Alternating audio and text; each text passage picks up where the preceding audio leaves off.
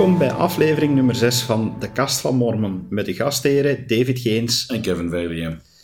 Dag Kevin, hier zijn we eindelijk weer. Ja, ondertussen al voor de zesde aflevering. Het is, uh, het is mooi.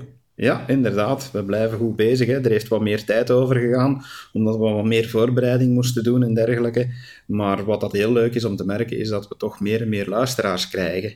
Ja, ik weet niet of jij aantallen hebt die je met onze luisteraars wil delen, of dat dat niet echt meetbaar is. Ja, van wat we kunnen meten merken we dat we iedere keer toch heel vlot uh, de dagen na de uitzending een ah, paar honderden luisteraars hebben. Maar ik heb het ook gemerkt op een aantal bijeenkomsten van mormonen dat we toch meer en meer reacties krijgen van de mensen die zeggen van hé, hey, tof gedaan en ik ben een vaste luisteraar geworden. Of met tips afkomen of met extra uh, mogelijkheden voor inhoud. Dus het is echt wel, wel heel fantastisch om te merken dat het zeker ook binnen onze gemeenschap begint te leven. Ja, absoluut. Kevin, ik stel voor dat we er hier meteen invliegen met een van de vragen die we hebben binnengekregen. Mm Zijnde, hè, van, klopt het dat mormonen dopen voor doden? Oftewel van, ja, eh, ik vrees dat sommige mensen misschien denken dat wij doden opgraven en die dan nog in het water steken om te dopen of dergelijke. Eh, is dat iets wat dat wij doen? Wij dopen voor de doden, maar wij dopen geen doden.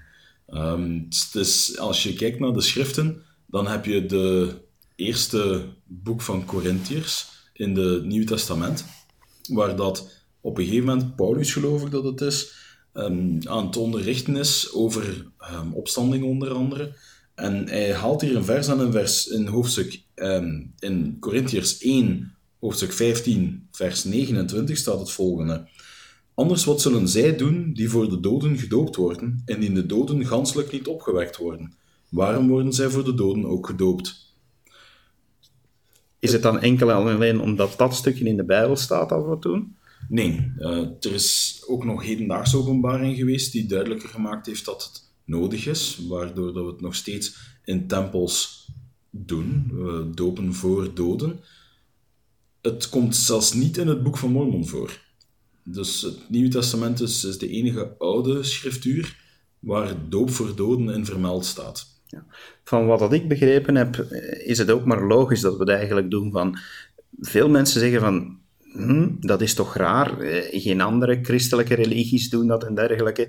En ik denk inderdaad dat het wel iets vrij uniek is voor mormonen, maar als je ook meer leert van, van hoe wij in het leven staan, dan lijkt het ook maar logisch. Hè? Zo, zoals we al eerder hebben uitgelegd, wij mormonen geloven in een eeuwig heilsplan. Mhm. en we, we, hadden een leven bij Hemelse Vader en Moeder voor we naar de aarde kwamen. We komen hier om eh, te testen, onszelf te testen, vooral veel bij te leren en dergelijke meer.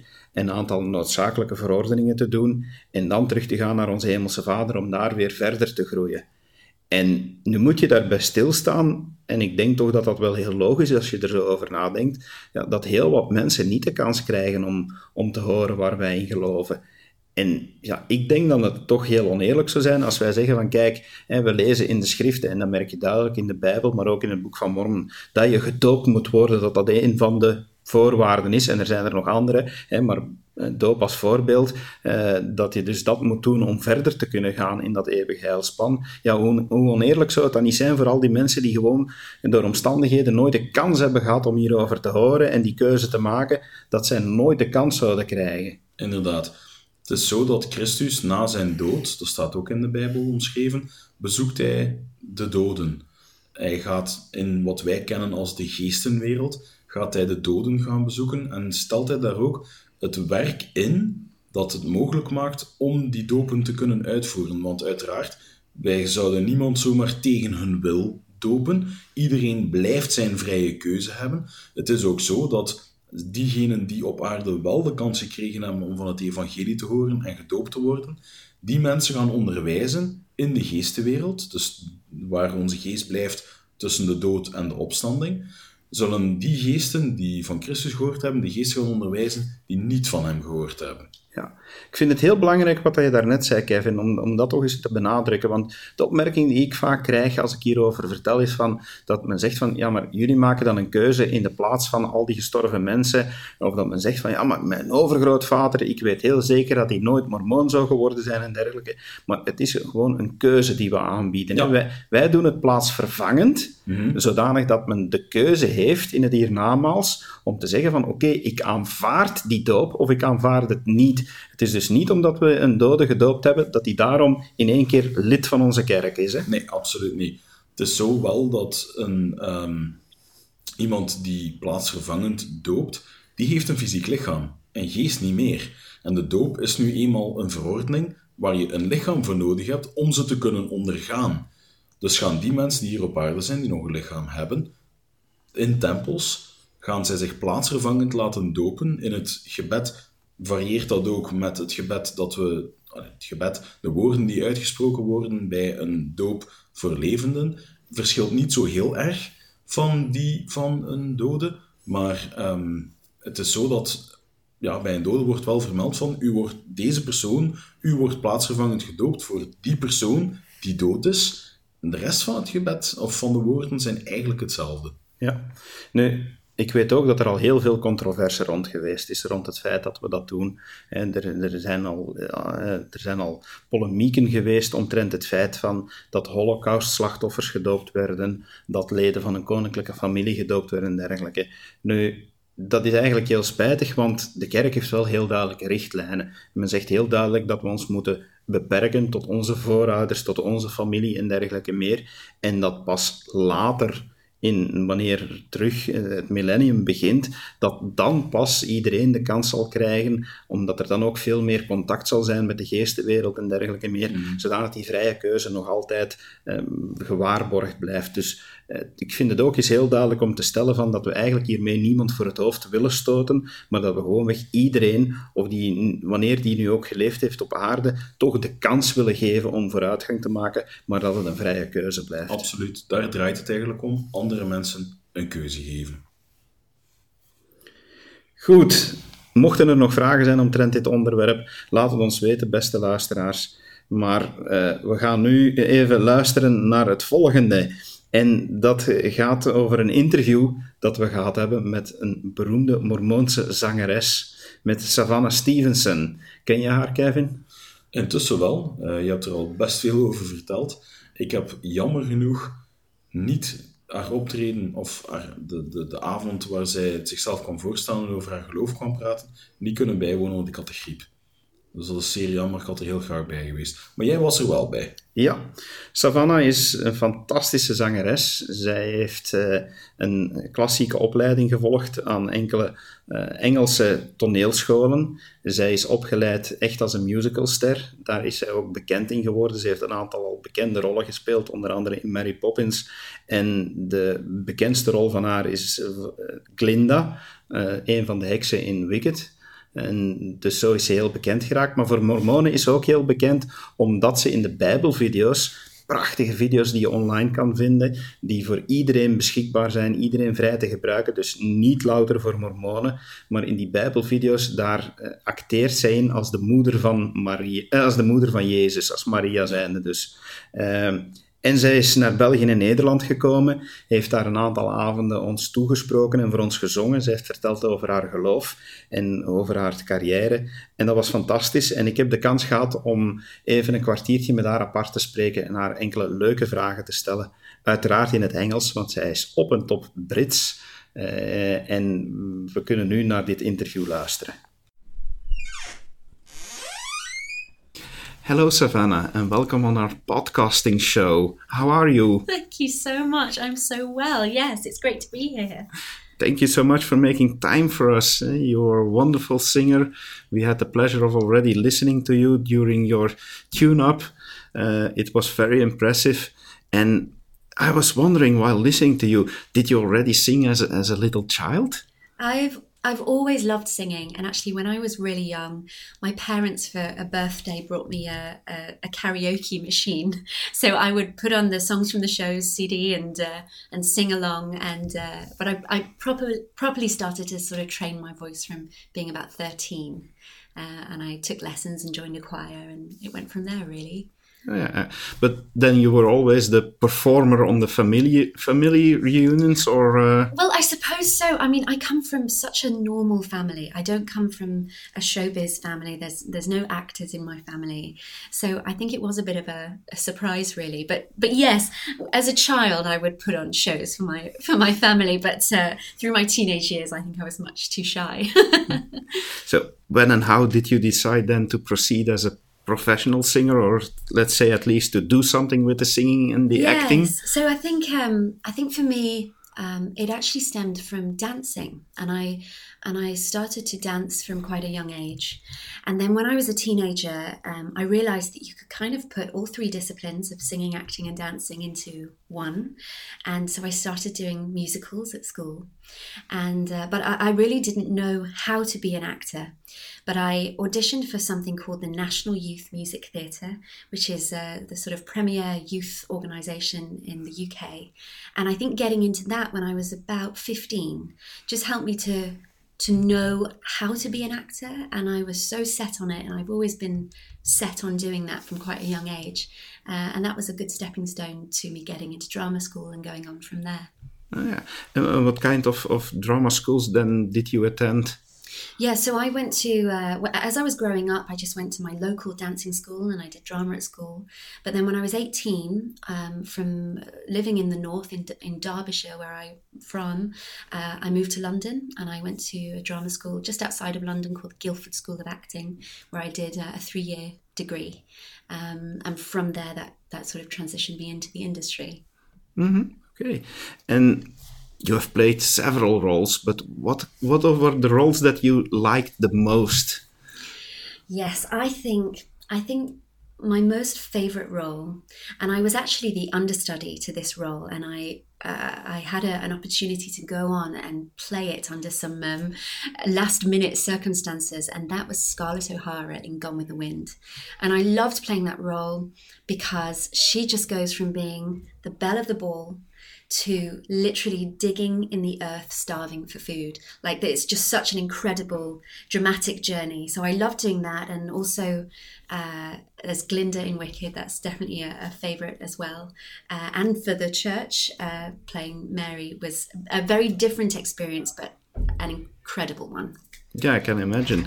Savannah, you you are Mormon. Is your entire family Mormon, or are you a convert? Uh, so I was brought up in the church. Um, my mum is uh, a really strong member, and she was a convert to the church in the seventies. So I was brought up in it, but actually the rest of my family uh, are not Mormon. Uh, so really, just my myself and my and my mum are the sort of active members. My dad did join the church, um, but he's sort of not been part of it through all of my life. Um, but he's he's not against it. He likes it, and I, I think he likes it in my life. Um, so it's quite a harmonious um, thing. But uh, but yeah, really just myself and my mom. Yeah, so that makes it very special to to bind you two together, I guess. Yes, I think it is, and I, I think I've always admired my mum as she has, you know, served in various callings in the church and and really devoted a lot of her time. And I and I I watched that and really thought how beneficial that would be in my life as well. Wasn't it hard as a teenager? Because we know nowadays that for teenagers it's very hard to to keep up to their faith. Uh, so I was wondering, how was that time for you? Yeah, um, I think for me as a teenager, I was always firstly, I was in a really good crowd. My friends were good, even though they weren't part of the church. Uh, you know, we would we would hang out together, and I think they really um, helped me. I would never felt peer pressure, and I, have always been um, really committed to it. Um, and so, actually, I, it's not that I didn't struggle as a teenager, but I think I was also so devoted to being an actor and going down that path. I was always busy. I was always in a show or going to a class, or and uh, and I think that kind of kept me going. And I always had a clear idea of where I wanted to go. Yeah. So then uh, then of course uh, to us members of the church you're you're very well known as Mary as the mother of Jesus how do you become an actress who's playing Mary? Is that a petition you sent in, or did you audition for it? Yeah, so So this was uh, the biggest media project that the church has has done so far, and uh, so with that they decided to do auditions throughout the whole world and really open it up. I think in the past all of their uh, film productions have been based in the United States, even just in Utah, and I think in order to get the amount of people that they needed and the kind of look that they needed, they needed to open up an audition all over the world. So I auditioned in London, and uh, and really actually had an amazing audition process that meant uh, I auditioned once in uh, Italy and then in uh, I screen tested in Utah as well, um, and eventually I got the job and uh, and it was such an amazing uh, thing to be part of and and I never thought that my church life and my work life would meet like that. I think as an actor often um, the the two can really conflict and it was it was so amazing to be given that opportunity. Mm-hmm. Has it given you also another kind of insight in, in the life of Mary? Playing the role means something extra, I can guess. Yes, I suppose so. I mean, I think I, I, often get asked about that, and I think maybe people think I have some amazing inside knowledge into uh, into Mary, but actually we don't know that much about Mary. And and and as an actor, you have to do what you would do with any role, and that is to learn as much as you can about her, and then just place yourself in her shoes. And that's what I tried to do. Um, I really tried to, in my preparation for the role, as well as studying about her and the life that she may have led, um, I really tried to put myself in a good spiritual place as well.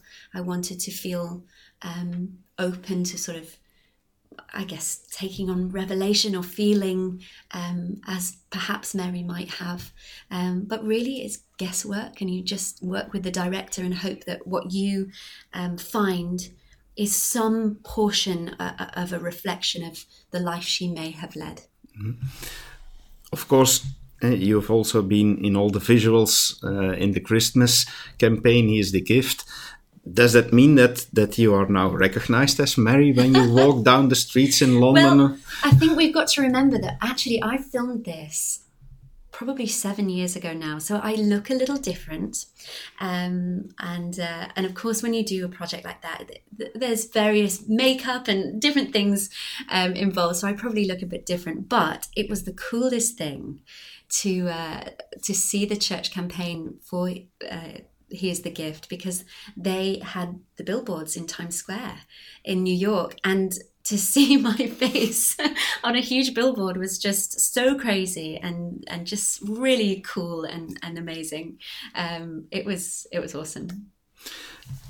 Do you sometimes think it's hard to be actress actress on one hand and Mormon on the other? Is it a, a difficult combination? It really can be. I think um, I think it's kind of both. I think on one hand it is difficult because a lot of the material that I can be asked to do um, may not be what I really want to do and, and the kind of um, language or scenes that I really want to be a part of. And so there is this kind of constant sifting process of okay what am i comfortable doing and what really am i not? And, and my agent works with me on that and, and he's so great and understanding. Um, and then the, the actual the positive side of that is i feel like um, it also gives me direction and i feel like it's a positive thing because i can make choices so that any role that i play i do feel good about playing it. And i feel that that um, that it, it, it has a positive effect on myself or the audience uh, for what they might be watching as well. Okay, that's that's that's wonderful. That's uh, that's also give you the opportunity, of course, to be telling about the life that we lead as Mormons, of course. That's uh, and because I can imagine a lot of people are thinking, "Wow, being an actress, uh, it's it's a business that's that's well, not that religious." And, yes, and that's the thing. I mean, we have to remember as well that I am an actor, and really, no character I ever play is a Mormon or even is religious or has those those standards. And so, and I and so I really do. It, it isn't a black and white decision. Some sometimes you you do things because the story is important to be told, and people aren't perfect, and you have to show people's imperfections and faults, and that's what being human is.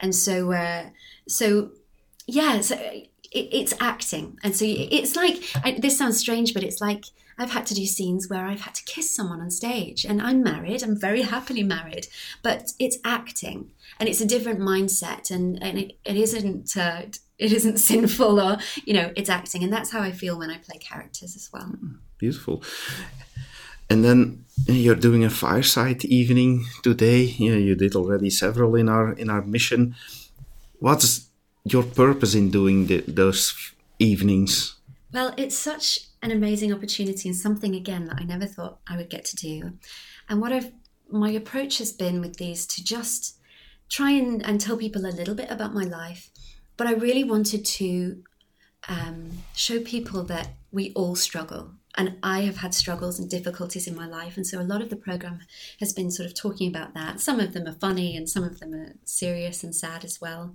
Um, and it's also just been a great opportunity to um, sing some songs that are special to me. And, and I just hope that uh, it's been able to uplift people and to help everyone realize that we're all in the same boat, that we all have struggles, and we're not just what we put out on our Twitter and our Instagram feeds that's a beautiful thing to end with. that is that's great advice to, to everybody. So uh, thank you very much, Savannah, for for your time to uh, thank you to have you over here I've for really the interview. Have, I've loved being here. It's just been such a pleasure. My husband and I we've we've sort of travelled a little bit around Belgium and Holland, and we've just loved it. Okay, thank you. thank, thank you. you very much. Dat was heel leuk om te kunnen horen dat het, uh, hoe dat ze het gedaan heeft eigenlijk. Inderdaad, fantastisch om te horen hoe zij haar carrière beschrijft en dergelijke meer. Zeker iemand waar we nog van gaan horen. Kevin, het zou bijna een traditie worden en we kunnen het niet overslagen, maar we moeten het even hebben over Trump. Uiteraard, we moeten het weer hebben over Trump. Iedereen heeft de mond vol over Trump, maar er is toch één ding dat ik als mormoon toch wel echt weer ja, heel spijtig vind dat, dat hij doet. En deze keer heeft het te maken met de muur die hij wil bouwen en, en hoe dat hij zich richt tegen Mexicanen. Maar vooral wat het nu ook gedaan heeft met de ban tegen, tegen zeven moslimlanden. Ja. En ja, het, het kan me niet van het gevoel ontdoen dat dit toch wel echt on-Amerikaans is. Omdat ik moet terugdenken aan de geschiedenis van de Mormonen zelf. Eh, snap je wat dat ik bedoel? Absoluut. De Mormonen zijn in het verleden op uit verschillende plaatsen echt weggejaagd. Er zijn mensen vermoord geweest, er zijn plunderingen gebeurd. Een hele hoop echt akelige dingen die met onze leden gebeurd zijn. Door mensen die ja, niet van mormonen hielden. Zo zijn zij Nauvoo echt uitgejaagd geweest, zijn ze echt moeten vluchten voor hun leven. Ja, veel mensen staan daar niet bij stil, maar mormonen zijn inderdaad enorm opgejaagd geweest. In, vervolgd, ja. Vervolgd zelfs. Van, ze zijn enige volk waar ooit zelfs een uitroeiingsbevel voor getekend is. Ja, en het gekke is, dat is nog niet zo lang geleden opgeheven geweest. Want dat bevel is gewoon nooit tegengetekend geweest. Dus ik geloof dat het tot ergens in de jaren 70 had je in bepaalde staten een mormoon vermoord, had je een oude wet om je op te beroepen om scot-free gewoon weg te lopen met, met, met, met moord. Ja, en als we nu naar de geschiedenis kijken, het is natuurlijk altijd gemakkelijker van terug te kijken om de geschiedenis te beoordelen, ja, dan weten we dat dat voor een stuk kwam omdat wij als mormonen natuurlijk ook wel enige dingen anders geloven dan andere christenen, maar ook gewoon het feit van dat mormonen heel sterk aan elkaar hangen en dat heel veel Amerikanen schrik hadden van het feit dat het zo'n echte groep vormde. En mormonen die gingen dan ook zelf winkels oprichten, men ging enkel met elkaar handel drijven, men ging bij verkiezingen allemaal op een, mormoonse kandidaat gaan stemmen en dergelijke meer. Dus dat waren allemaal effecten die meespeelden waarom mormonen zo gehaat werden. En ja, zij waren ook gewoon de zondebok van heel veel dingen die toen misliepen. Zij werden beticht van het feit van allemaal dieven en verkrachters te zijn en de jobs af te pakken van anderen. En als je dat dan allemaal aan terugdenkt, dat dat in onze geschiedenis zit, en je luistert dan naar de argumenten waarom men nu zich in Amerika zo tegen moslims keert en dan effectief een ban oproept, ja, dan heb ik zo het gevoel, de geschiedenis herhaalt zich. Ja, absoluut. absoluut. Het is ook wel gek dat ze... Ze hebben zeven landen gekozen. Je zou denken van, het heeft misschien te maken met terrorisme, maar als je gaat kijken naar het aantal uh, Amerikaanse doden die het gevolg zijn van mensen uit welke landen, ja, dan zijn daar landen die niet in de ban zitten, waar er veel meer uitkomen. Ja. Nu, let op, hè. ik vind dat Amerika heel goed het recht heeft om zichzelf te beschermen en dergelijke meer, en dat het maatregelen mag treffen, maar waar ik schrik voor heb, is dat het zo heel makkelijk afgeleid naar eh, de visie op, op een religie en dergelijke meer. En dan vind ik het ergens spijtig van dat binnen de Mormoonse gemeenschap er niet wat meer reactie op komt. Ik zeg me niet dat we, dat we moeten in één keer zeggen van, dat er geen probleem is. We moeten ook onze kop niet in het zand steken, want ook hier in Europa hebben we heel veel te maken met terrorisme die gelinkt wordt aan islam. Maar islam is net zoals iedere godsdienst veel breder dan de slechte daden die in naam van, van, van een god of van God gebeuren. Dus laat ons daar abstractie van maken. Maar ik hoop toch dat er heel veel mormonen zijn die eens terugdenken aan onze eigen geschiedenis en dat gebruiken om stil te staan bij wat er vandaag gebeurt en hoeveel erger het nog kan worden. Absoluut. Over religieuze vrijheid gesproken, we moeten het ook altijd niet over de grote plas gaan zoeken. Van spijtig genoeg is er ook een geval veel dichter bij huis. Ja, voor mij zelfs heel dicht bij huis, want mijn ouders wonen daar, mijn zussen wonen daar, mijn grootouders wonen daar en ik, heb er ook, ik ben er opgegroeid. Uh, de, ik heb er ook na mijn, na mijn zending, na mijn huwelijk, heb ik dan nog ettelijke jaren gewoond in Nevelen. In Nevelen, inderdaad. Ja, eigenlijk Landegem, maar dat is een deelgemeente van uh, Nevelen. Ja. Nu, voor wie Nevelen niet weet liggen, want het is maar een klein dorpje, het is een dorp in het Meetjesland, een streek in Oost-Vlaanderen, tussen Gent en Brugge, zeg maar, een heel klein dorpje. Maar wat is daar nu het probleem? De burgemeester en de schepen van cultuur die hebben daar een voorstel gedaan om een wijziging aan te brengen aan het huurreglement van lokalen van de gemeente. En de wijziging die men voorstelt is dat die lokalen niet meer verhuurd mogen worden aan organisaties, instellingen of dergelijke die te maken hebben met een religie die niet behoort tot een van de zes erkende godsdiensten in ons land. Inderdaad, dus ook geen mormonen. Geen mormonen, geen boeddhisten, en nog zoveel meer, want uiteindelijk ja, zijn er maar een beperkt aantal godsdiensten erkend in ons land.